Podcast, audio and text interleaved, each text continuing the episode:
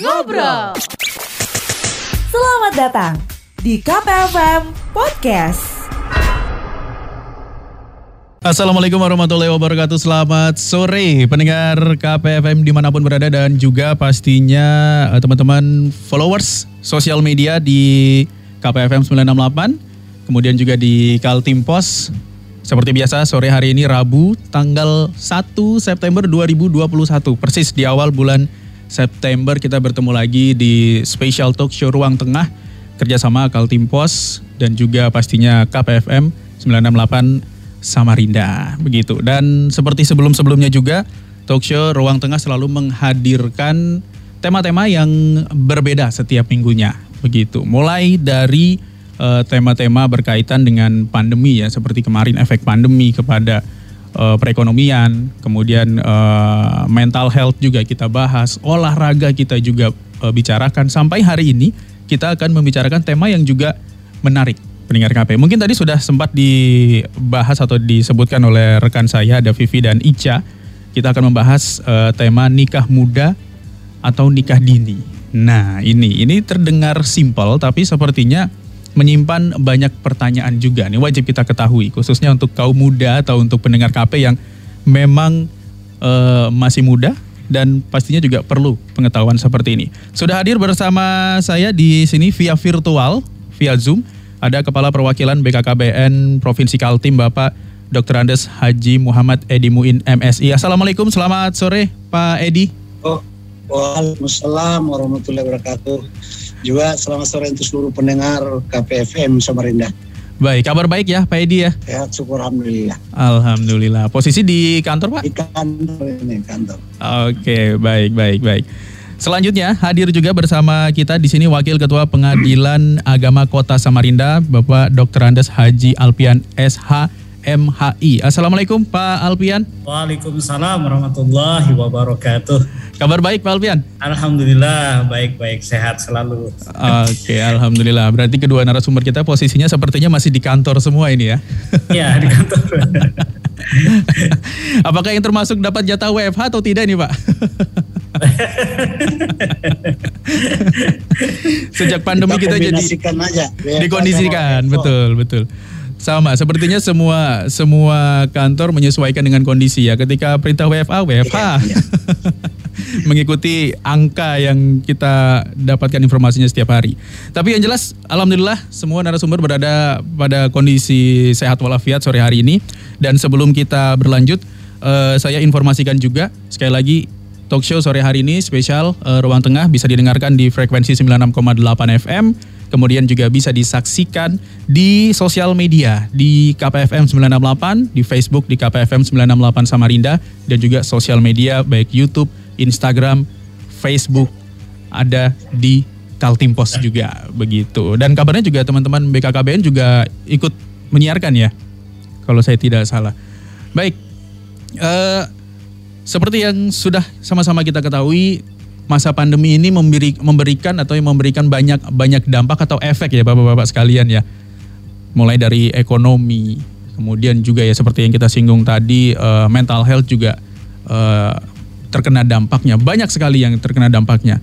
Sampai-sampai di beberapa waktu yang lalu kita mendengar uh, pendidikan juga pastinya terdampak kepada anak-anak usia uh, produktif gitu bisa dibilang ya remaja, kemudian anak-anak juga usia SD bahkan. Nah, sampai akhirnya karena banyaknya anak-anak yang terdampak ini juga sekolah menjadi virtual, semua serba virtual. Ada angka pernikahan dini yang meningkat begitu. Nah, ini yang akan akan kita bahas nanti. Tapi sebelum kita masuk ke sana, saya ingin uh, tahu pandangan atau pendapat baik dari BKKBN maupun dari Pengadilan Agama Kota Samarinda tentang pernikahan nikah dini, sorry, nikah dini ataupun nikah muda. Mungkin dari BKKBN dulu, Pak Edi. Mungkin menurut Pak Edi dari BKKBN pandangan soal nikah muda atau nikah dini ini seperti apa, Pak? Nanti baru kita berlanjut ke Pak Alpian. Sekalian seluruh pencinta pendengar Radio KPFM Samarinda, saya menyapa selamat sore. Sore, Pak. Nah, saat ini kita berada pada kondisi sulit. Eh, kita ketahui bersama bahwa dampak COVID ini uh, sangat banyak merambah masuk ke kehidupan sosial kita. Nah, salah satu yang uh, menjadi uh, topik hangat kita hari ini adalah membicarakan tentang uh, angka nikah, nikah dini yang ditengarai meningkat dibanding dengan uh, situasi uh, pra pandemik 19. Nah, uh, pandangan kami dari BKKB yang begitu menyebut uh, pernikahan dini itu adalah uh, sesuatu istilah yang uh, menjadi hal penting untuk kami perjuangkan agar angka itu tidak meningkat hmm. karena uh, itu akan berdampak terhadap uh, kehidupan keluarga ketika mereka uh, harus memasuki kita menyebut uh, nikah dini pastilah uh, yang terbetik di pikiran kita adalah mereka yang melakukan pernikahan di usia anak. Mm-hmm. Nah kategori anak sekarang itu kan 0 sampai 18 tahun itu anak. Yeah. Nah kalau mereka menikah di usia anak ini ya seusianya itu tidak terjadi karena dari anekdot yang sederhana kita bisa sebutkan aja kalau mereka masih anak-anak lalu mereka membuat anak mhm. kayak seperti apa anak-anak yang membuat anak oh, okay. mereka agak dewasa sedikit supaya dia pada posisi umur yang matang mm-hmm. lalu kemudian dia disingkan untuk membuat anak nah saya kira pengertian yang sederhana ini kami sering angkat di di komunitas remaja bahwa tolong siapkan diri dan berikan perencanaan untuk berkeluar ke depan. Ya, ya, ya, baik, baik, baik. Oke, jadi uh, yang bisa kita simpulkan di sini adalah 0 sampai 18 tahun itu masih usia anak. Apabila misalnya ada yang menikah di rentang usia tersebut, ya berarti termasuk dalam uh, kategori nikah dini begitu ya kurang lebih ya Pak Edi ya. Oke, selanjutnya kita beralih ke Pak Alpian dari Pengadilan Agama. Kalau misalnya Pengadilan Agama Kota Samarinda melihat ini Pak, uh, pernikahan dari pengertiannya dulu deh. Pengertian nikah muda atau nikah dini bagaimana Pak? Sependapatkah dengan yang disampaikan oleh Pak Edi? Assalamualaikum warahmatullahi wabarakatuh. Waalaikumsalam warahmatullahi. Uh, mengenai pengertian atau usia apa nikah muda atau nikah dini, hmm. itu ada beberapa peraturan undang-undangan yang menjadi rujukan kita. Yang yeah. pertama Undang-Undang Nomor 23 Undang-Undang tentang Perlindungan Anak. Hmm. Jadi yang dimaksud dengan anak itu adalah anak yang berumur di bawah usia 18 tahun sampai 18 tahun. Okay. Namun di dalam Undang-Undang Nomor 1 tahun eh Nomor 1 tahun 74 hmm Itu yang dimaksud dengan orang boleh kawin itu perempuannya berumur 16 tahun, laki-lakinya berumur 19 tahun. Dan itu sudah diamandemen lagi undang-undang itu dengan undang-undang nomor 16 tahun 2019 bahwa yang dimaksud dengan usia kawin ya, usia kawin itu artinya di bawah itu dianggap anak sedangkan yang di atas itu dianggap sudah dewasa. Mm-hmm. Laki-lakinya pasal 7 ayat 1 menyatakan bahwa seorang yang mau menikah itu harus berumur laki-lakinya 19 tahun dan perempuannya juga 19 tahun. Jadi usia menikah seseorang yang pengen menikah harus berusia di atas 19 tahun. Artinya lewat dari 19 tahun walau satu hari udah dianggap lewat 19 tahun. Kalau di bawah itu berarti dianggap dia masih belum layak atau dianggap pernikahan dini. Jadi usia di bawah 19 tahun. Dan itu bisa uh, mereka melakukan pernikahan dengan cara mengajukan permohonan dispensasi kawin atau dispensasi nikah ke pengadilan agama bagi yang mereka beragama Islam dan ke pengadilan negeri bagi mereka yang beragama non-Islam.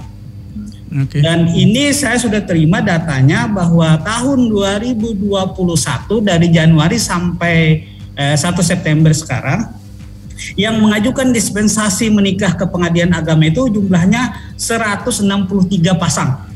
Jadi 163 orang yang ingin menikah di usia di bawah 19 tahun.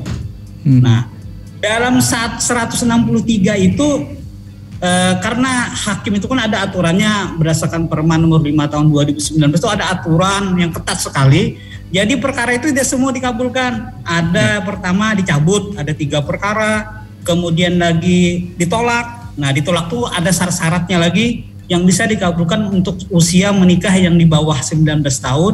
Kemudian lagi ada yang tidak dapat diterima, ada juga yang digugurkan. Jadi yang dikabulkan cuma 145 pasang hmm. atau 145 orang yang dikabulkan untuk menikah usia di bawah 19 tahun. Nah, okay. jadi uh, aturan sekarang itu sudah berubah. Jadi kalau Undang-Undang Nomor 5 tahun 2019 itu usia menikah sekarang 19 tahun. Jadi ditinggiin lagi. Ya, Dan ini ya. menjadi membeludaknya masyarakat mengajukan pernikahan yang dulunya 16 perempuannya, 19 laki-lakinya, yang sekarang itu menjadi 19 laki-lakinya, 19 perempuannya.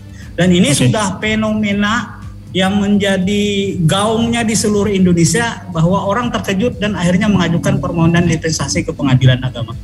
Oke, oke, oke, menarik. Nah, ini uh, saya ingin kembali ke Pak Edi, tapi sebelumnya uh, saya ingin ingatkan juga kepada pendengar, kemudian juga yang sedang menonton kita di sosial media sore hari ini, Anda juga bisa mengirimkan pertanyaan terkait uh, tema kita, nikah muda atau nikah dini ini, langsung di kolom komentar nanti akan ada dipilih oleh tim kami untuk disampaikan dan akan dijawab langsung oleh narasumber kita. Jadi pertanyaan-pertanyaan terpilih ya.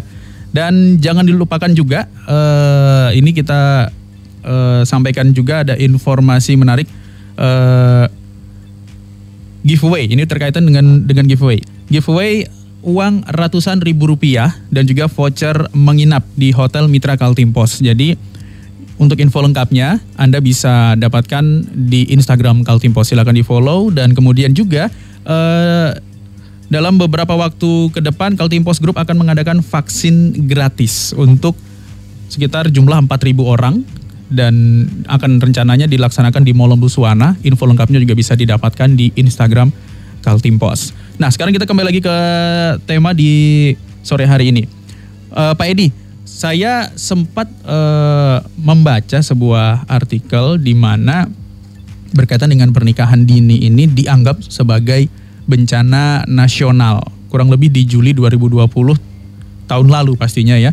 Itu disampaikan langsung oleh Kepala BKKBN Bapak Hasto Wardoyo kalau saya tidak salah. Apakah benar Pak? Nah ini bagaimana ya. tanggapannya Pak? Ya uh, itu salah satu uh, bentuk uh, sosialisasi kita ke bawah bahwa uh, menikah muda itu adalah bencana. Uh, tentu saya ini tidak uh, bukan tanpa alasan bahwa jika menikah di usia anak dan kemudian hamil di usia di bawah 20 tahun itu uh, pastilah uh, berakibat uh, terhadap uh, kesehatan terutama kepada kesehatan uh, ibu muda dan anaknya nanti. Oleh karena itu kita berharap memang di BKKB BN telah menganjurkan bahwa usia menikah ideal untuk perempuan itu adalah 21 tahun, hmm. kemudian untuk laki-laki 25 tahun. Okay. Nah, uh, tentu alasan ini adalah uh, dengan alasan dari pertimbangan hasil riset bahwa hmm. ketika seorang perempuan hamil di usia uh, rahimnya belum uh, belum dalam kondisi kuat, yeah. untuk menahan janin, menyimpan janin, maka itu sangat uh, berisiko terhadap kematian baik ibu maupun uh, anaknya. Oleh karena itu uh, pilihan kita bahwa uh, kita menyampaikan kepada seluruh remaja mengingatkan mereka bahwa uh, tolong benar-benar menikah itu pada usia yang ideal. Nah dari kegiatan ini kita lalu mengusung program itu melalui kegiatan uh, program genre melalui anak-anak remaja. Genre itu adalah singkatan dari generasi berencana yang mereka-mereka itu yang tergabung di dalamnya adalah umur 10 sampai 24 tahun.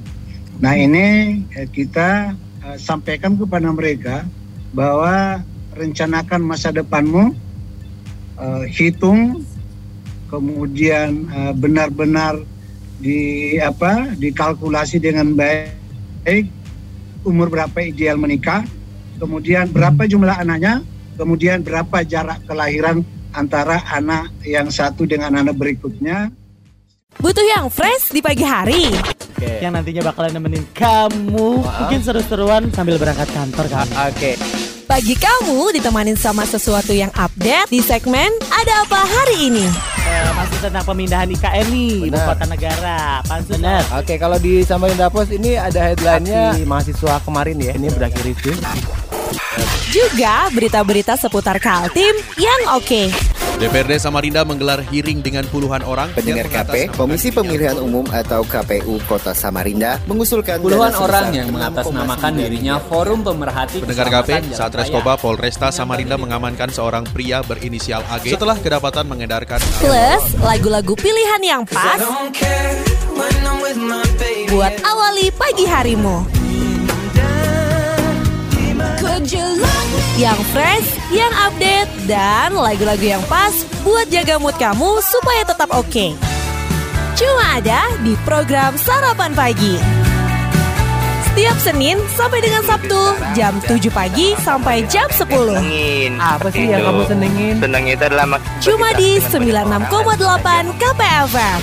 Ingat ya, program Sarapan Pagi setiap Senin sampai dengan Sabtu jam 7 pagi sampai jam 10. Only on 96.8 KPFM Radio.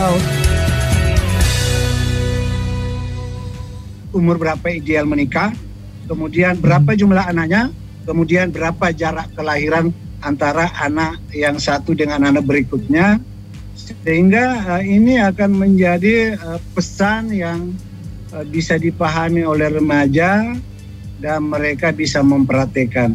Karena itu saya eh, menyampaikan terima kasih apresiasi untuk radio KPFM Samarinda bahwa ini adalah bagian kepedulian kita bersama, bagian uh, kontribusi kita bersama, apa pun itu, Mhm.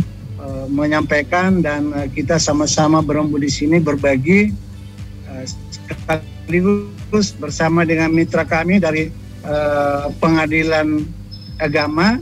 Tadi sudah betul beliau banyak menyebut ternyata angka-angka fantastik ini yang luar biasa ya. Iya. Perlu diingat ya Mas Agus, Mas Agung, Iya Pak. bahwa pandemi ini bukan hanya angka angka perkawinan usia dini yang meningkat, tapi angka perceraian juga tinggi ya. Nah itu dia ya. Pak Alfian ya. Jadi eh, kita betul-betul dalam eh, masa yang sulit, dilema yang luar biasa bahwa eh, kita harus tetap menjalani ini tentu dengan pikiran positif Mhm. bahwa kejadian yang ada di sana sini di sekitar kita itu bagian kita. Tentu kuncinya ada sekarang kita harus hidup dengan cara protokol kesehatan yang ketat. Ya. Iya. Oke, baik. Terima kasih Pak Edi. Berarti eh, yang disampaikan oleh Kepala BKKBN Bapak Hasto Wardoyo di 2020 lalu berkaitan dengan eh, pernikahan dini adalah bencana nasional. Ini juga merupakan salah satu Iya. bentuk sosialisasi BKKBN gitu ya untuk menahan angka ini supaya tidak terus bertambah begitu Pak ya. Karena dampak-dampak negatifnya yang sama-sama kita sudah eh, tahu seperti yang disebutkan oleh Pak Edi tadi. Tapi saya ingin kembali lagi ke Pak Alpian, Pengadilan Agama tadi di- disebutkan ada eh, berkaitan dengan dispensasi soal pernikahan dini, Pak. Dispensasi, kemudian ada yang disampaikan juga ada yang diterima, ada juga yang ditolak atau bahkan ditangguhkan begitu. Nah, ini eh, mungkin banyak yang belum tahu juga di luar sana, Pak. Alasan-alasannya, Pak, atau hal-hal apa saja yang mempengaruhi hal-hal tersebut, Pak? Jadi eh, di dalam hal pemeriksaan eh, dia perkaranya istilahnya kalau kita itu kan ada kontensius ada kulunter. Kalau perkara dispensasi kawin itu perkaranya kulunter atau permohonan. Ya. Nah perkara permohonan ini ada syarat-syaratnya gitu. Mhm. Pertama syarat-syaratnya harus diajukan oleh kedua orang tuanya dalam mengajukan permohonan. Nah terus lagi itu banyak lagi ala anunya. Kemudian lagi ada dasar-dasarnya. Dasar-dasarnya misalnya dia membawa surat keterangan dari keterangan dokter. Nah perlu diketahui bahwa dalam hal perkara eh, dispensasi nikah atau dispensasi kawin yang banyak dikabulkan itu, itu kalau istilah dalam agama itu namanya darurat atau keterpaksaan atau tidak bisa tidak harus dilakukan. Salah satu contoh misalnya eh, dispensasi kawin, eh, dispensasi nikah yang diajukan yang mereka sudah hamil. Oke. Jadi banyak sekali kejadian bahwa eh, dispensasi itu diajukan pasangan ini sudah hamil. Jadi perempuannya udah hamil duluan gitu. Ada yang sudah lima bulan, enam bulan, tujuh bulan, sampai ada yang sudah sembilan bulan yang mau melahirkan baru diajukan dispensasi. Hal ini fenomena ini sangat-sangat menyedihkan kita sekali. Kok begitu luasnya pergaulan anak di bawah umur bisa melakukan hubungan suami istri Nah, baru mengajukan ke pengadilan. Akhirnya pertimbangan-pertimbangan hakim termasuk pertimbangan sosiologis, pertimbangan ekonomi, pertimbangan kedua orang tuanya karena setiap orang yang mengajukan itu harus dihadirkan pihaknya. Pihaknya itu misalnya anaknya dan calonnya juga dihadirkan di persidangan, kemudian dilihat psikologisnya, dampak psikologisnya, sekolahnya, Kemudian lagi dilihat lagi bahwa anak itu apakah ini dipaksa dalam perkawinnya apa tidak. Dan anak itu bisa didampingi oleh lembaga-lembaga sosial yang mendampingi anak tersebut. Dan kami dalam hal pemeriksaan itu bisa memeriksa anaknya tanpa dengan orang tuanya. Karena bisa saja kan di bawah tekanan atau dipaksa atau di bawah tekanan ekonomi dan sebagainya. Sehingga Eh, menurut undang-undang dan menurut agama yang namanya darul mufasid darul mafasid muqaddamun ala dabil masoleh artinya kita menghilangkan kemudaratan untuk e, lebih diutamakan daripada mengambil kemaslahatan jadi mengambil kemaslahatan ini artinya keterpaksaan jalan darurat yang harus kita kabulkan Eh, anak-anak ini untuk menikah. Jadi kita sangat memfilter sekali terhadap dispensasi nikah ini. Jadi tidak semena-mena orang mau menikah, waktunya di bawah umur langsung mengajukan bisa dikabulkan tidak. Jadi dipelter sekali gitu. Dan ini kenyataannya kalau kita adakan penelitian, orang yang mengajukan dispensasi keadilan itu karena kita minta suratnya pak jadi kita minta suratnya biasanya didampingi oleh anu apa surat keterangan dokter bahwa ini sudah hamil atau sudah positif atau dia sudah melakukan hubungan suami istri yang hmm. keperawanannya itu di menurut uh, dokter dokter apa dokter kandungan bahwa dia sudah tidak perawan lagi karena sudah melakukan hubungan suami istri. Hal-hal begini yang menimbulkan oh kita sangat miris sekali di dalam persidangan tersebut. Jadi uh, tapi ada juga itu yang kita tolak itu karena hmm. alasan-alasan tertentu bisa kita tolak perkara itu. Misalnya seperti laki-lakinya tidak bertanggung jawab, laki-lakinya hmm. sangat misalnya umurnya 10 tahun atau yang tidak memungkinkan untuk bertanggung jawab bisa saja kita tolak. Iya. Jadi ada pertimbangan-pertimbangan hakim yang apa yang itu bisa mengabulkan dispensasi nikah ini atau dispensasi kawin ini. Jadi kita e, merasa miris sekali di masyarakat kita itu orang yang mengajukan dispensasi itu hamil-hamil semua gitu. Jadi oh, oh lah, okay. masya Allah gitu. Kenapa jadi sampai kejadian begini gitu di masyarakat?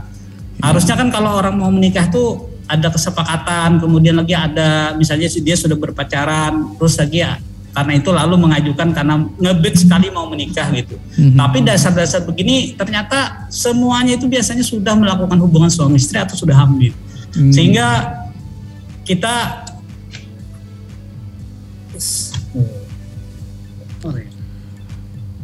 ya. Turut prihatin ya berarti Pak ya melihat angka-angka tersebut Pak ya.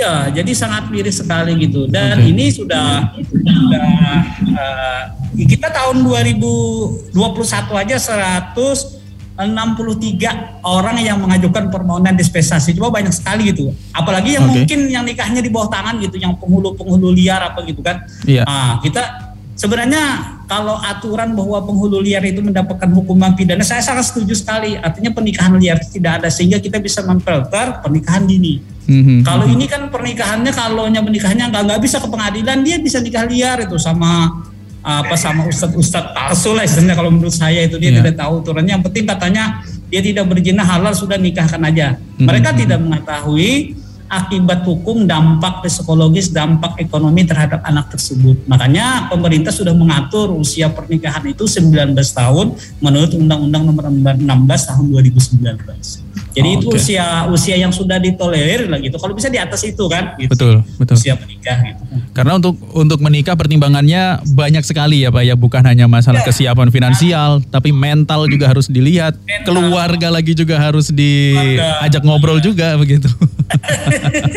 Artinya kan orang mau menikah tuh nggak segampang, oh yuk nikah sudah kita ke penghulu nggak kan, pasti ngobrol sama orang tua, ngobrol sama sama saudara, semuanya kan harus tahu gitu. Betul, artinya, betul, betul. Uh, Karena ini berkaitan untuk seumur hidup begitu. Iya, menyatukan dua hati yang berbeda dan dua keluarga yang berbeda gitu. Tidak kita aja yang menikah, tapi keluarga juga harus disatukan gitu. Iya, Karena iya. orang bercerai itu kebanyakannya dia hanya terbawa perasaan apa bukan cinta, perasaan nafsu saja. Oke, tapi oke. tidak mempertimbangkan artinya perceraian, perceraian gitu. Baik. Untuk perceraian nanti akan kita singgung juga, akan kita bahas juga ini kaitannya dengan tema hari ini. Tapi saya ingin kembali lagi ke Pak Edi. Ini ada pertanyaan Pak Edi dari eh, Instagram. Ya. Yaitu @jail.coffee.bpn. Jadi ini sepertinya eh, teman kita yang ada di Balikpapan. Eh di sini dia menanyakan begini Pak. Tadi Bapak Edi bilang bahwa usia menikah yang ideal laki-laki adalah 25 tahun apakah boleh menikah di bawah usia 25 tahun? Apakah ada efek ketika menikah di bawah usia ideal tersebut? Nah, ini berarti untuk eh, pria Pak, untuk laki-laki. Ketika tadi disebutkan us- idealnya 25 tahun, tapi bagaimana kalau menikah di bawah 25 tahun dan apa efeknya kalau misalnya menikah di bawah usia ideal tersebut?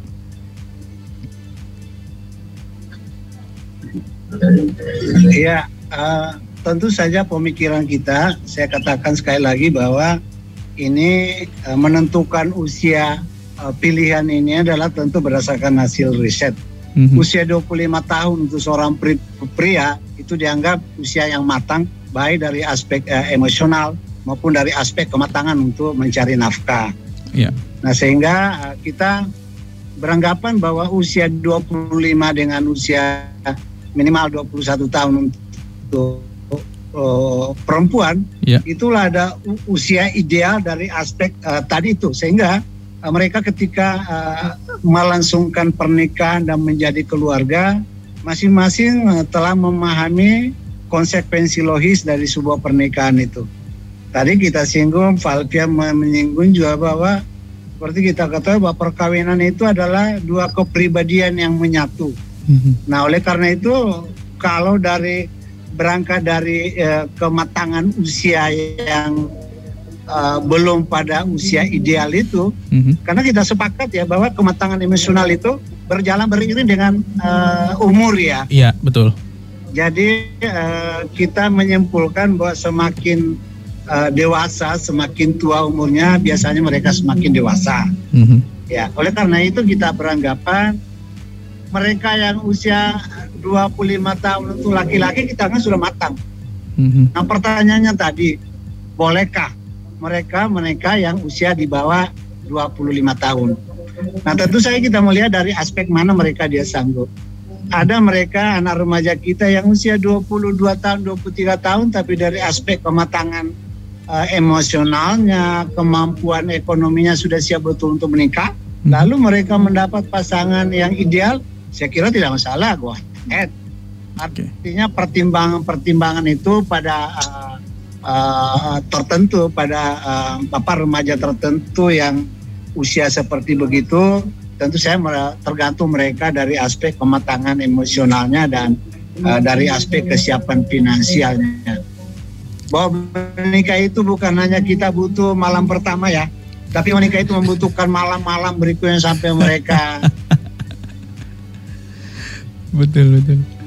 dipisahkan oleh mari kita kita betul pelihara bahwa perkawinan itu sebuah kejadian yang bisa sekali terjadi dalam hidup setiap manusia. Ya. Bahwa itu adalah peristiwa sakral Mhm. yang harus dimulai dari niat baik dan harus uh, memiliki pengertian yang sama dari latar belakang yang berbeda, dari pribadi yang berbeda, dari keluarga yang berbeda. Mari kita satukan itu dan ini dibutuhkan pemahaman dan kematangan yang luar biasa. Oke, baik. Yang yang bisa saya tangkap dari eh, pertanyaan tadi, mudah-mudahan ya bisa terjawab ya, Mas Jail yang menanyakan via Instagram yang berada di Balikpapan. Tadi sudah eh, kami jelaskan juga, Pak Edi juga sudah menjelaskan bahwa sebetulnya memang masih bisa dilihat lagi ya pertimbangan-pertimbangan lainnya ya Pak Edi ya untuk menikah di usia di bawah usia ideal begitu. Banyak banyak banyak penge, ah, bukan pengecualian, banyak pertimbangan lagi yang dilihat. Jadi mengingat bicara tentang pernikahan ini adalah untuk seumur hidup, tanggung jawab yang tidak bisa dianggap main-main begitu. Nah, Kalau kalau kita lihat lagi Pak, ini uh, mungkin bisa dari nanti Pak Alpian maupun Pak Edi juga uh, menyampaikan pandangannya. Kalau kita lihat lagi di di masa pandemi seperti sekarang ini tadi sempat kita singgung juga angka uh, pernikahan ini itu meningkat begitu. Nah ini simpelnya Pak, penyebabnya apa kira-kira Pak sampai terjadi? Karena yang menurut menurut kami baca informasinya adalah uh, ya sekolah nggak ada lagi mas sekolah online gitu kan daripada anaknya main terus malah banyak ketemu pacarnya dalam tanda kutip seperti itu daripada bahaya ya udah saya nikahkan aja sekalian nah hal-hal seperti ini yang Ya. yang yang menggelitik tapi sekaligus miris juga nah ini mohon pak pandangannya seperti apa pak Kangen sama lagu ini? Atau punya something dengan lagu ini? Jika cinta Kalau pengennya dengerin lagu-lagu kayak gini, dengerin aja di program Samarinda Bagus yang banyak menyuguhkan lagu-lagu era tahun 2000-an serta informasi menarik sambil temani pendengar KP yang lagi activity. Ada info dan tips ringan seputar kesehatan, serta dunia kerja yang dikemas ringan dan gak ketinggalan segmen Today's Inspiration. Terus ngomongin sosial isu yang sedang happening dan pendengar KP juga bisa ikutan gabung via SMS dan sosmed di segmen Ngopi, Ngasih Opini. Nah, selain itu juga memutarkan lagu kenangan di segmen Memos, Memory of Song. Samarinda Bagus, setiap Senin sampai dengan Jumat jam 10 sampai jam 1 siang. Only on KPFM 96,8. Daripada bahaya ya udah saya nikahkan aja sekalian nah hal-hal seperti ini yang yang yang menggelitik tapi sekaligus miris juga nah ini mohon pak pandangannya seperti apa pak Ya. Jadi eh, ini fenomena anomali sebenarnya ya. Iya, iya. Karena sekarang ini kan eh, bukti cinta itu kan harus berjarak ya. Beda yang pra pra pandemi ini kalau Anda cinta eh, frekuensi pertemuan semakin intensif kan. Mhm. Sekarang kalau Anda sayang, Anda cinta mestinya berjarak. Tapi kemudian ternyata benih-benih cinta itu ketika berjarak ini malah sangat antusias ya Pak Alfian ya. sangat menggebu-gebu untuk mereka menikah padahal eh, situasinya tidak memungkinkan, Iya. umurnya juga tidak memungkinkan. Iya. Saya kira pertanyaan untuk saya pribadi dan saya jadi tanda tanya ternyata kondisi pandemi ini tidak memberi eh, tanda halangan untuk mereka ingin melakukan ini. Dan angkanya kalau tadi yang dirilis tadi Pak Alfian ini angkanya lebih tinggi dari kejadiannya. Apakah ini ada ada fenomena bahwa ternyata eh, kebosanan yang luar biasa ini Iya. Ternyata menciptakan antusias cinta yang bergebu-gebu luar biasa. Seperti begitu ya. Iya, mungkin ada tanggapan dari Pak Alfian ini. Iya Pak Alfian. Monggo Pak. Jadi begini, eh, fenomena kalau di pengadilan gitu ya, eh, Iya. yang mengajukan perkara kompensasi itu kenapa jadi meningkat? Ke, karena pertama usia itu dinaikkan oleh pemerintah. Jadi ada undang-undang yang mengatur Undang-Undang Nomor 16 tahun 2019 itu. Oh iya iya iya. 16 jadi Jadi eh, 19. 16 dijadikan 19. Jadi Nah, iya. kelihatan perkara itu sangat meningkat sekali. Ternyata mereka itu di kampung-kampung masih beranggapan bahwa 16 boleh menikah. Ya. Ternyata mereka tidak tahu. Akhirnya diarahkan ke pengadilan agama. Nah, kemudian lagi bahwa kenapa jadi eh, usia-usia dini itu banyak menikah? Ah, pemahaman dari masyarakat juga.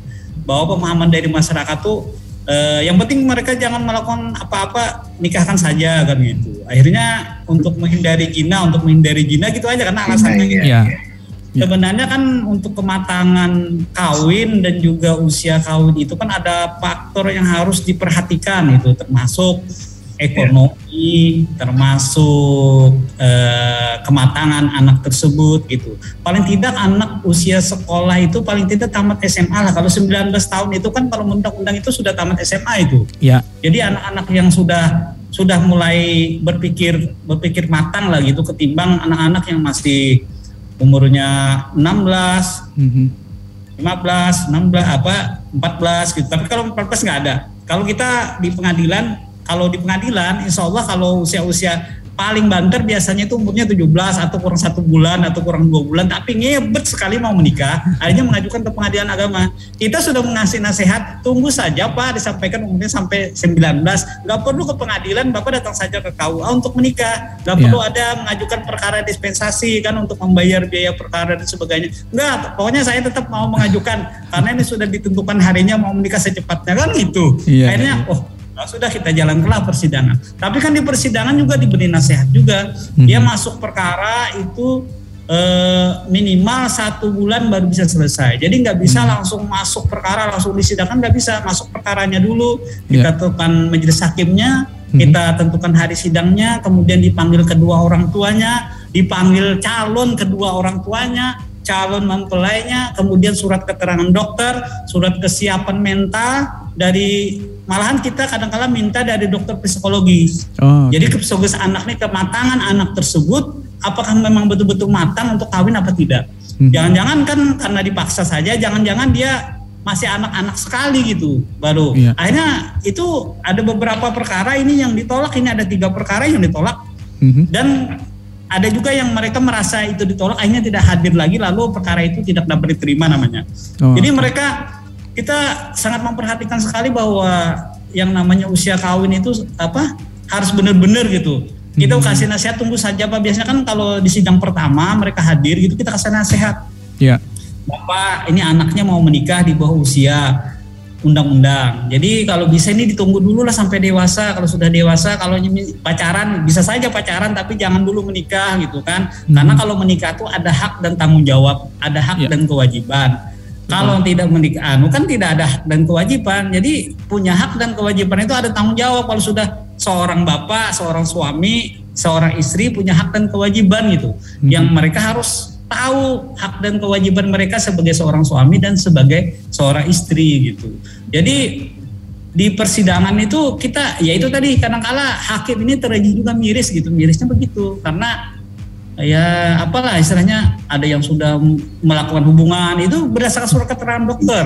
Dokter Oh, mengatakan oke. bahwa ini sudah melakukan hubungan suami istri. Jadi kita periksa ini semuanya ekonominya orang tuanya kan di kadang-kala ditanya itu apa kerjaan anak laki-lakinya ini? Ya. bisa gak ma, apa menghidupi anak perempuan ini? Kan gitu. Kita tanya gitu. Ada kerjanya di sini ada kerjanya di situ. Ada juga apa yang kita tolak? Itu kerja hanya ikut orang tua. Nggak ada Iya. penghasilan apa-apa Iya. jadi miris sekali kita per, padahal hati kita ini sangat sangat miris sekali kalau kasihan dia dia mau menikah sekali apalagi, sudah melakukan hubungan suami istri. Tapi pak nggak ada kerjaan sama sekali. Bagaimana kita mau mengabulkan kan gitu jadi hal-hal begitu kita apa ya berdasarkan undang-undang dan juga tes psikologis anak tersebut. Kasihan dia kalau menikah. Apa jadinya nanti kalau sudah menikah? Nah, gitu kan. Betul, betul, betul. Bisa jadi eh, akan muncul eh, dampak-dampak lain gitu Pak ya. Kalau Iya, misalnya dipaksakan. terhadap iya Oke, karena oke. mereka terlalu mudah untuk untuk apa untuk ini kan untuk untuk me- merasakan bahwa dia itu seorang bapak Iya. dan merasakan dia seorang seorang ibu. Nah, Betul. kebanyakannya orang bercerai itu juga begitu karena dia tidak merasa seorang suami, dia jalan-jalan aja, udah menikah juga masih keluyuran, masih pacaran dengan orang lain dan gitu kan karena pandangan dia hanya pacaran saja kan gitu. Karena Iya. terlalu muda, dia tidak tahu hak dan kewajiban sebagai seorang suami gitu. Belum siap Nah ini gitu ya. ini fenomena ini berjalan juga karena ada saya sangat anu sekali dengan apa ustadz-ustadz yang di kampung itu yang menikahkan orang itu tanpa tanpa ada aturan gitu. Jadi menikahkan pokoknya ada mempelainya kan kalau orang menikah kan kalau orang-orang kampung gitu aja. Yang penting kan ada lima. Hmm. Ada mempelai laki-laki, ada mempelai perempuan, ada akadnya, Iya. Ada wali, ada saksi kan lima aja syaratnya orang menikah itu. Ini menurut hukum Islam. Hmm. Tapi kalau menurut hukum negara, perkawinan itu harus resmi dan tercatat di kantor urusan agama atau di kantor eh, apa dinas kependudukan dan catatan sipil. Iya. Kalau itu tidak dilaksanakan, maka pernikahannya itu dianggap apa tidak berkekuatan hukum. Artinya tidak ada kekuatan hukum Mhm. untuk menyatakan mereka itu menikah gitu. Sehingga kalau mereka mau menginap di hotel berduaan itu bisa ditangkap satpol pp karena nggak ada bukti bahwa dia suami istri kan gitu. Iya, karena belum umurnya. Iya, orang mau berangkat haji harus ada buku nikah kalau nggak ada Iya. nggak bisa pak. Orang mau umrah saja harus ada. Betul, Makanya betul. sekarang tuh ada apa isbat nikah massal. Mhm. Karena apa? Karena tidak ada surat-suratnya gitu. Nah, Iya, iya, gitu. iya, iya. Jadi sebenarnya Pak fenomena nikah di bawah umur ini bukan sekarang saja dari dulu yang apa orang-orang di kampung-kampung itu banyak Pak yang menikahnya itu di bawah umur. Cuma kita nggak terungkap ke permukaan. Mhm. Kenapa? Karena ya itu tadi fenomena ustadz-ustadznya begitu. Ah, anu, yang penting menikah aja, yang penting syarat dan rukun terpenuhi udah selesai gitu. Mereka Iya. tidak tahu bahwa ada undang-undang, ada aturan kita yang mengatur pernikahan tersebut. Oke, berarti kalau kalau boleh saya eh, menyimpulkan ya atau atau menambahkan berarti kalau misalnya ini ada ada semacam komunikasi yang kurang nyampe gitu Pak ya dari eh, penyampaian tentang undang-undang yang semestinya juga dipatuhi bukan hanya mengikut soal eh, peraturan yang ada di agama saja tapi aturan negara juga harus dipertimbangkan negara juga begitu ya. Di- kan di dalam Al-Quran tuh ati Allah wa ati Rasul. Jadi taat kepada Allah, taat kepada wa ulil amri minkum. Jadi Oke. taat kepada pemimpin. Pemimpin itu kan undang-undangnya ada aturannya begini, aturannya begini.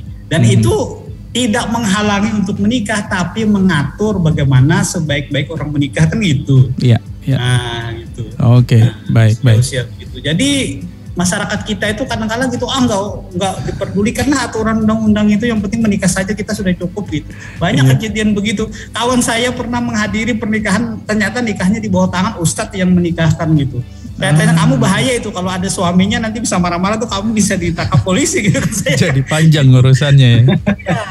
Iya, iya, iya. Karena itu tadi, yang penting menikah, yang penting halal, kita sudah tidak berjinah lagi kan gitu. Padahal mereka tidak tahu iya. aturannya gitu.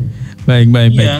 Nah, ini berarti berarti bisa bisa disimpulkan juga ya kembali masih masih banyak pekerjaan rumah yang yang harus diselesaikan begitu Pak ya untuk salah satunya ya langkah-langkah memutus angka eh, pernikahan dini ini tadi yang yang Iya. meningkat begitu ya.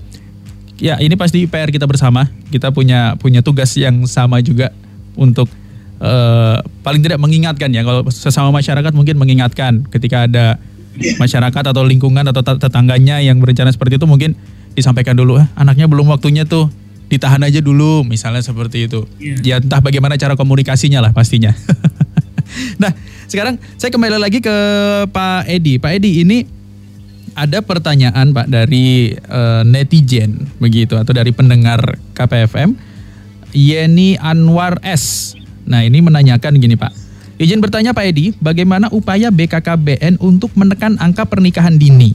Mungkin penyuluhan atau sebagainya. Nah ini terkait eh, langkah dan mungkin program. Mungkin tadi di awal sudah eh, secara singkat sudah sempat disinggung oleh Pak Edi ya. Monggo Pak. Ya, eh, salah satu yang kita anggap eh, jembatan pesan adalah melalui program genre. Mhm. Kita ini ada program generasi berencana yang melibatkan para remaja-remaja yang ada dihimpun di sekolah-sekolah, ada di masyarakat, organisasi pemuda, organisasi remaja masjid, dan mereka-mereka inilah yang kita anggap uh, mereka yang akan uh, menyampaikan, menyambung pesan kita Mhm. Bahwa menikah di usia nah tadi banyak kita bicara tentang mereka yang sudah terlanjur menikah di usia muda di usia dini Mhm. nah eh, cara kita me- me- memberikan toleransi kepada mereka yang sudah terlanjur menikah bahasan yang eh, diterima dan itu harus berlangsung dengan itu maka kalau mereka belum hamil kita menganjurkan supaya si perempuan ini tunda dulu kehamilannya. Karena uh, beresikonya itu terhadap ibu perempuan ketika dia hamil muda. Berisiko terhadap mungkin kematian saat uh, proses uh, hamil atau di persalinan. Mhm. sehingga kita minta kalau mereka katakanlah mereka menikah di usia 18 tahun ya kita minta mereka supaya menggunakan kontrasepsi menjadi eh, tiga tahun kemudian 21 baru usia matang uh, organ reproduksinya menjadi matang, bagus, dan mereka merencanakan kehamilan. Jadi kita tunda dulu, biar kalau mereka me- menjalani tiga tahun itu seperti masa pacaran. Jadi bulan madu itu kita rubah menjadi tahun madu. Tiga tahun madu dia lakukan itu. Jadi mereka menikmati eh, cara berkomunikasi. Ibaratnya mereka masih pacaran tapi Iya. sudah sah melakukan hubungan suami istri karena sudah melakukan eh, akad nikah itu.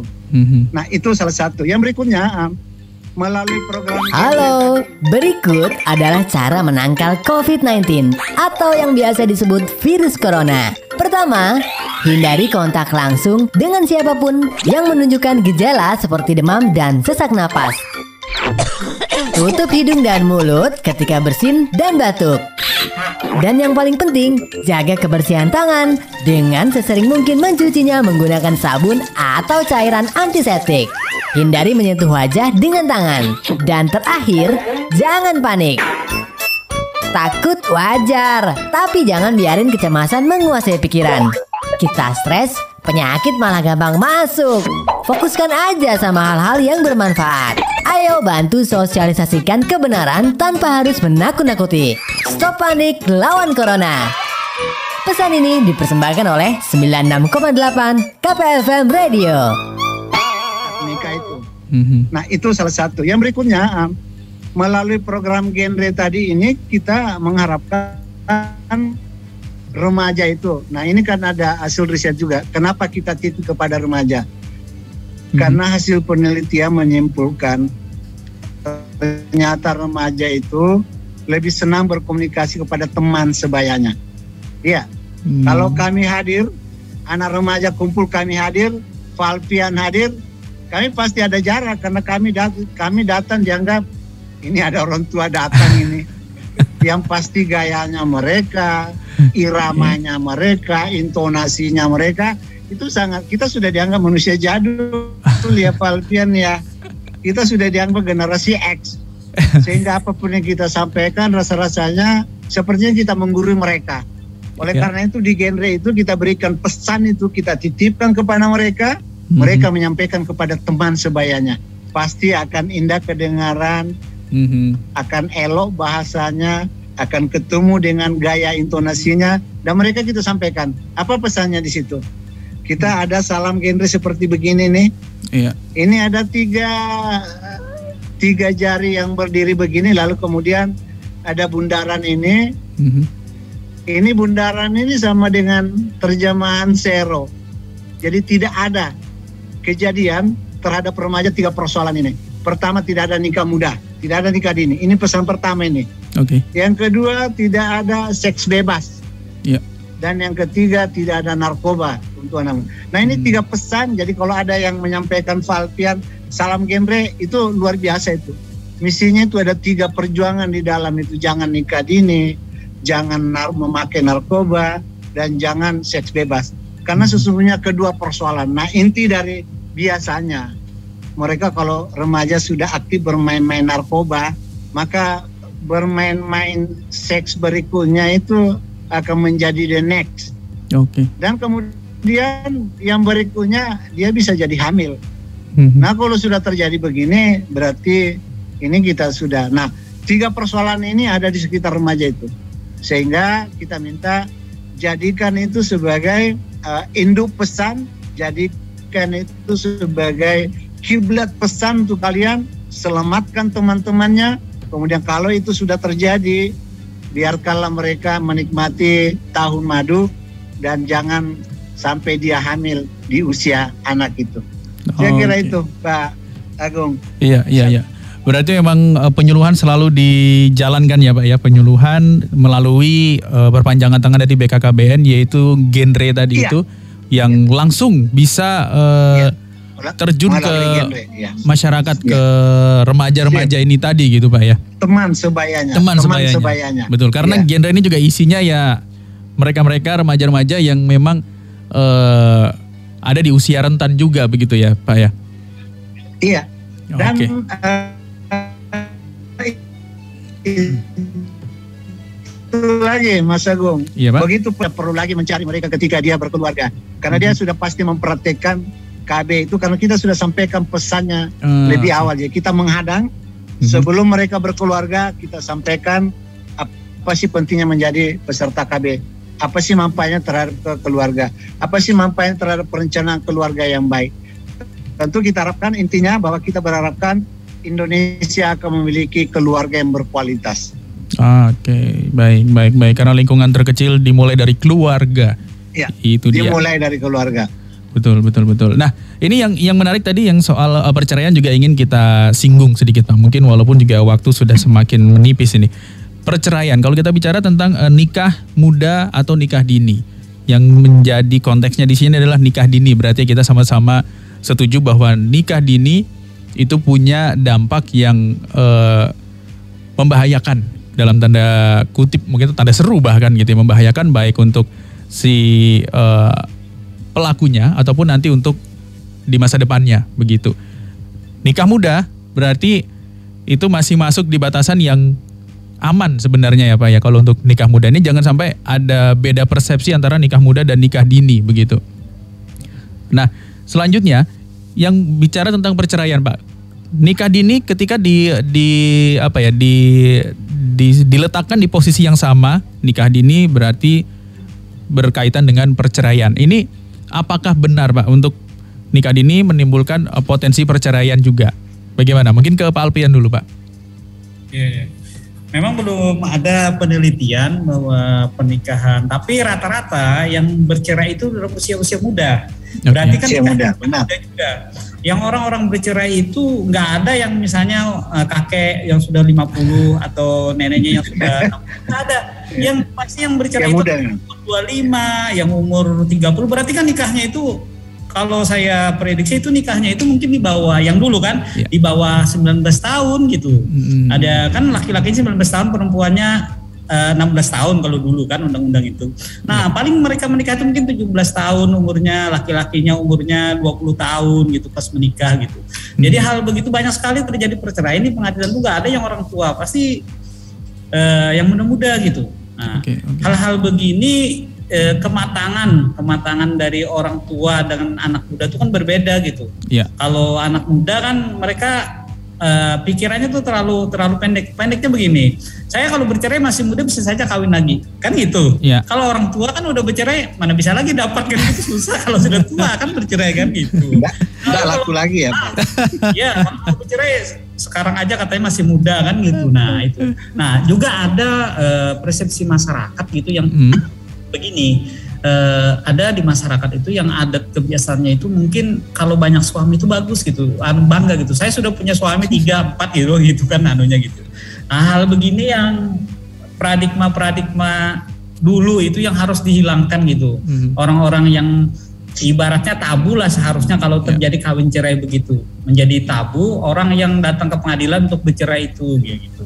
Nah sekarang ini eh, orang bercerai itu kadang-kala baik-baik aja gitu. Artinya datang berdua naik motor satu satu satu mobil gitu. Tapi mereka mau bercerai gitu kan aneh gitu kan kadang-kala. Pengadilan itu eh, ada mediasi dulu. Jadi setiap perkara perceraian itu wajib dimediasi dulu berdasarkan Perma nomor 1 tahun 2016. Jadi kalau nggak ada mediasi nggak boleh ada perceraian. Jadi mediasi dulu sampai berapa kali. Banyak juga yang terjadi akhirnya damai lagi gitu kan. Iya. Bisa merenungi lah. Makanya eh, dalam Islam itu kan perceraian itu adalah perbuatan yang halal tapi dibenci oleh Allah. Abgadul halal indallah talak. Jadi sesuatu yang halal tapi dibenci dibenci itu artinya tidak ada jalan lain, jalan darurat yang harus dilaksanakan. Karena perkawinan itu kalau di Islam itu namanya misalkan gawida. Artinya ikatan yang sangat kuat yang tidak bisa diputuskan oleh siapa pun. Kalau di Kristen kan disebutkan apa yang sudah disatukan Tuhan tidak bisa dipisahkan oleh manusia kecuali maut kan gitu. Artinya perkawinan itu ikatan yang sangat kuat sebenarnya.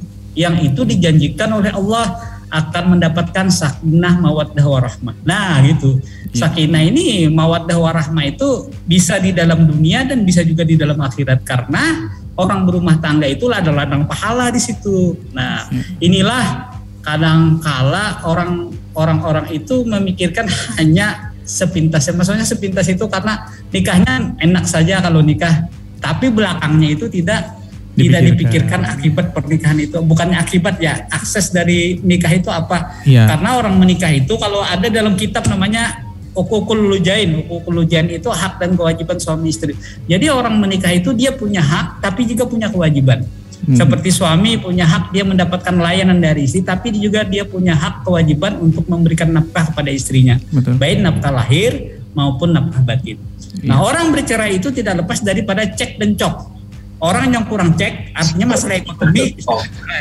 Dan juga orang kurang cok juga. Cok itu artinya, artinya kan hubungan suami istri mungkin tidak ada kelainan apa dan sebagainya. Bisa saja Iya. bercerai pak. Jadi hal-hal begini yang harus di apa di di di ditegah lah supaya jangan terjadi banyaknya perceraian di pengadilan agama. Kita sangat miris sekali sebenarnya. Kalau kita kan hanya pasif saja menerima perkara tapi padahal masa pandemi ini membudel orang mau banyak sekali gitu Iya, iya. Oke, baik. Jadi eh, bisa dibilang kalau dari pernyataan terakhir dari Pak Alpian tadi di masa pandemi ini tugas pengadilan agama jadi lumayan meningkat ya Pak ya. ya mungkin eh, ini apa karena tidak ada kegiatan akhirnya di rumah di rumah terjadi pertengkaran masalah ekonomi Iya. nah akhirnya terjadilah perceraian ke pengadilan dan orang sekarang itu kan pengadilan bersifat eh, gender loh gender itu artinya perempuan itu bisa mengajukan di mana saja berada kemudian lagi dia bisa mengajukan tanpa biaya sepeser pun dengan jalan prodio Oh, asalkan ada surat tidak mampu atau surat miskin atau mendapatkan eh, apa gitu apa yang keterangan tidak tidak mampu itu dia bisa mengajukan mengajukan perkaranya ke pengadilan tanpa bayar sepeser pun. gitu. Oke, oke, oke, oke, baik. Nah, ini kembali lagi berkaitan dengan eh, nikah dini eh, yang yang bisa di apa ya diletakkan atau di diposisikan sebagai penyebab perceraian. Nah, ini mungkin kembali ke Pak Edi, Pak. Kalau misalnya dari dari hal ini tadi, Pak, penjelasan Pak Alpian sudah cukup jelas begitu.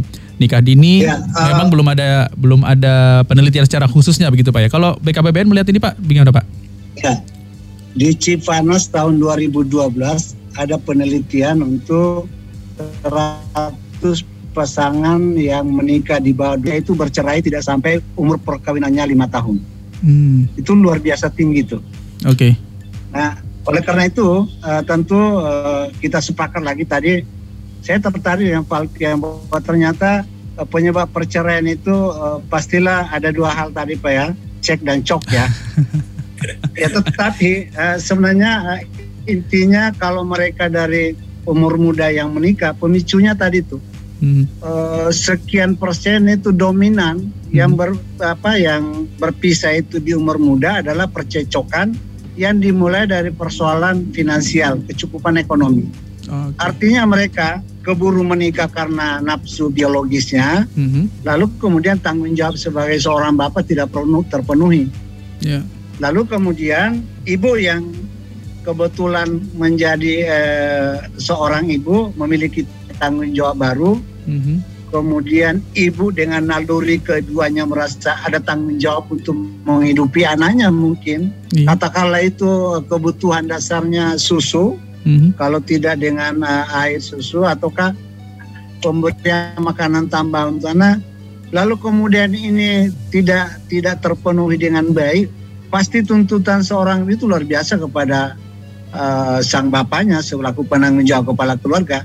mhm. Nah inilah pemicu awal sebenarnya yang uh, memantik perceraian. Mhm, uh, uh, pertengkaran-pertengkaran baik uh, ke- kepada seorang uh, ibu rumah tangga juga seorang perempuan bahwa kedua-duanya ini harus betul-betul matang dari aspek uh, fisik maupun emosional dan uh, hanya dengan cara begitu bahwa kita memahami betul bahwa perkawinan ini sesuatu yang sakral yang mestinya hanya terjadi sekali dalam uh, hidup kita dan kita pertahankan itu. Nah sekarang kami bersama dengan uh, Kemenak Pak Alfian uh, kita mulai pelan-pelan merambah masuk ke tingkat bawah ke KUA. Uh, kiranya kursus catin itu memang digalakkan sekarang Pak. Oke. Jadi uh, setiap pasangan yang sudah menikah diberikan pemahaman pengertian bagaimana mengelola keluarga baik dari aspek uh, finansialnya, mengelola konflik dan macam-macam sehingga mereka ibu rumah tangga atau kepala uh, rumah tangga. Nah sekarang kami di BKKBN ada aplikasi yang uh, kita coba bisa remaja mengunjungi itu siap nikah.org hmm. bisa dilihat itu dan sebenarnya itu diperuntukkan untuk para kaula muda yang sebenarnya sudah mulai berpikir dan banyak sekali aspek-aspek pengetahuan bisa dipahami lebih jauh uh, dari aplikasi ini. Ya makasih Pak Mas Agung. Iya baik. Jadi uh, memang kalau dari uh, pernyataan Pak Edi tadi memang yang potensial menjadi pemantik uh, permasalahan di rumah tangga adalah ya. ekonomi ketika pernikahan usia dini ini terjadi begitu Pak ya dan akhirnya mengakibatkan perceraian. Jadi finansial memang menjadi salah satu uh, sisi yang penting sekali dan kadang untuk di usia dini ini juga belum terpenuhi sebetulnya ya. Secara ini sih kita kita bisa bisa ambil kan kalau usia dini menikah pasti di usia yang memang mereka saja mungkin kerja aja belum begitu. Mungkin baru ya, baru ya, bahkan ada yang masih sekolah begitu. Kata Palpian cuma modal cok. ya ya ya. Baik pak baik pak. Betul betul betul betul. Saya jadi bingung mau ngomong apa lagi nih pak. Di luar op, di luar perkiraan bakalan menyampaikan hal tersebut. Tapi oke okay. memang memang benar. Berarti hanya hanya bermodal pelampiasan nafsu saja begitu ya bisa dikatakan. Tidak memikirkan benar, benar. bahwa nanti ada tanggung jawab ekonomi ada tanggung jawab tanggung iya. jawab lain yang harus dipenuhi sebagai uh, keluarga atau sebagai kepala keluarga begitu. Tapi sekali lagi Pak, ini mungkin karena waktu yang juga sudah semakin uh, sempit, kita uh, ingin uh, mungkin dari Pak Alpian menyampaikan mungkin Pak sebagai penutup atau kesimpulan untuk masyarakat di luar sana terkait nikah muda, nikah dini, apa yang harus diperhatikan, apa yang harus dilakukan sebagai masyarakat Pak. Uh, yang pertama, halo, ada ya. kelihatan ya saya? Ada Pak, ada Pak. Pertama bahwa Bagus orang menikah itu eh, ibaratnya terpenuhi hukum agama. Hukum agama itu yang lima itu ya syarat dan hukum harus terpenuhi. Juga ya. memenuhi undang-undang peraturan perundang-undangan. Jadi nikah itu tidak hanya sekedar kita menikah sah menurut agama, tapi juga harus sah menurut negara. Jadi orang jangan hanya sah menurut agama sudah cukup sudah jangan harus sah menurut agama dan itu sudah ada Al-Qur'annya ati Allah wa ati rasul wa ulil amri minkum wa ulil amri minkum itu peng, apa perkawinan itu harus tercatat tercatat itu tercatat di KUA atau tercatat di Dinas Pendudukan dan Catatan Sipil. Syaratnya ada, aturannya hmm. ada gitu. Jadi tidak orang menikah itu harus persiapan yang matang benar hmm. harus apa ibaratnya finansial harus jelas kemudian lagi kesiapan kesiapan fisik kesiapan mental hmm. kemudian lagi kesiapan keluarga untuk menikah hmm. menyatukan dua keluarga menyatukan dua hati yang bisa di satu supaya pernikahan tersebut mendapatkan kaedah sakinah mawaddah warahmah karena ada sakinah itu katanya orang yang baru menikah -hmm. Jadi mesra terus. Kemudian yeah. mawaddah mawaddah itu rasa suka aja lagi. Jadi bukan mengharapkan seks lagi tapi rasa suka dengan istri. Kemudian sakinah mawaddah warahmah. Warahmah itu kata-kata warahmah itu bukannya cinta lagi tapi rasa kebersamaan. Orang tua tuh nggak ada seks lagi, nggak ada rasa cantik ganteng lagi. Yang ada tuh rasa kebersamaan, rasa kasih sayang, kan itu kan warahmah berarti. Jadi ya. sakinah mawaddah warahmah tuh harus benar-benar di apa dipatuh di, di dijalankan itu yang tiga ini. Jadi orang itu jadi berumah tangga tuh sampai tua, sampai berumur lanjut tidak akan terjadi perceraian karena didasari oleh perkawinan yang sudah matang. Iya, ya, ya. oke, baik. Itu tadi dari uh, sisi pengadilan agama dari Pak Alpiana. Bagaimana kalau dari BKKBN dari Pak Edi. Bagaimana Pak? Ya, uh, saya hanya menitip pesan untuk seluruh remaja bahwa sebelum menikah pikirkan baik-baik, renungkan baik-baik bahwa pernikahan itu adalah sakral. Karena itu secara utuh rencanakanlah keluargamu dari sekarang. Kemudian eh, pahami bahwa ketika sudah berkeluarga sudah melekat tanggung jawab sebagai kepala rumah tangga atau seorang ibu rumah tangga dan itu harus di- dijalani dengan maksimal. Bahwa hidup yang hidup ini adalah pilihan.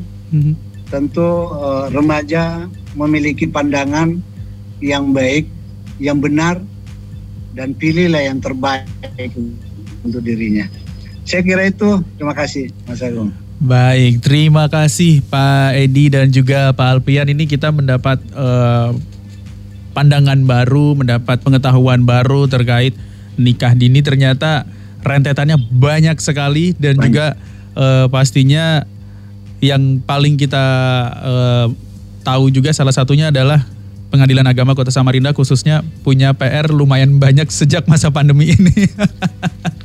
jadi lebih sibuk. Begitu juga dengan BKKBN. Jadi semakin kuat motivasinya untuk mensosialisasikan supaya teman-teman ini atau remaja-remaja ini terhindar dari yang namanya nikah dini. Terima kasih sekali lagi Bapak-bapak sekalian eh, atas waktunya sore hari ini. Mudah-mudahan juga yang mendengarkan ataupun yang menonton eh, obrolan kita sore hari ini di sosial media bisa mendapatkan pengetahuan baru atau nilai atau value lain dari eh, tema yaitu nikah muda atau nikah dini. Terima kasih sudah dengerin Ngobrol KPFM Podcast.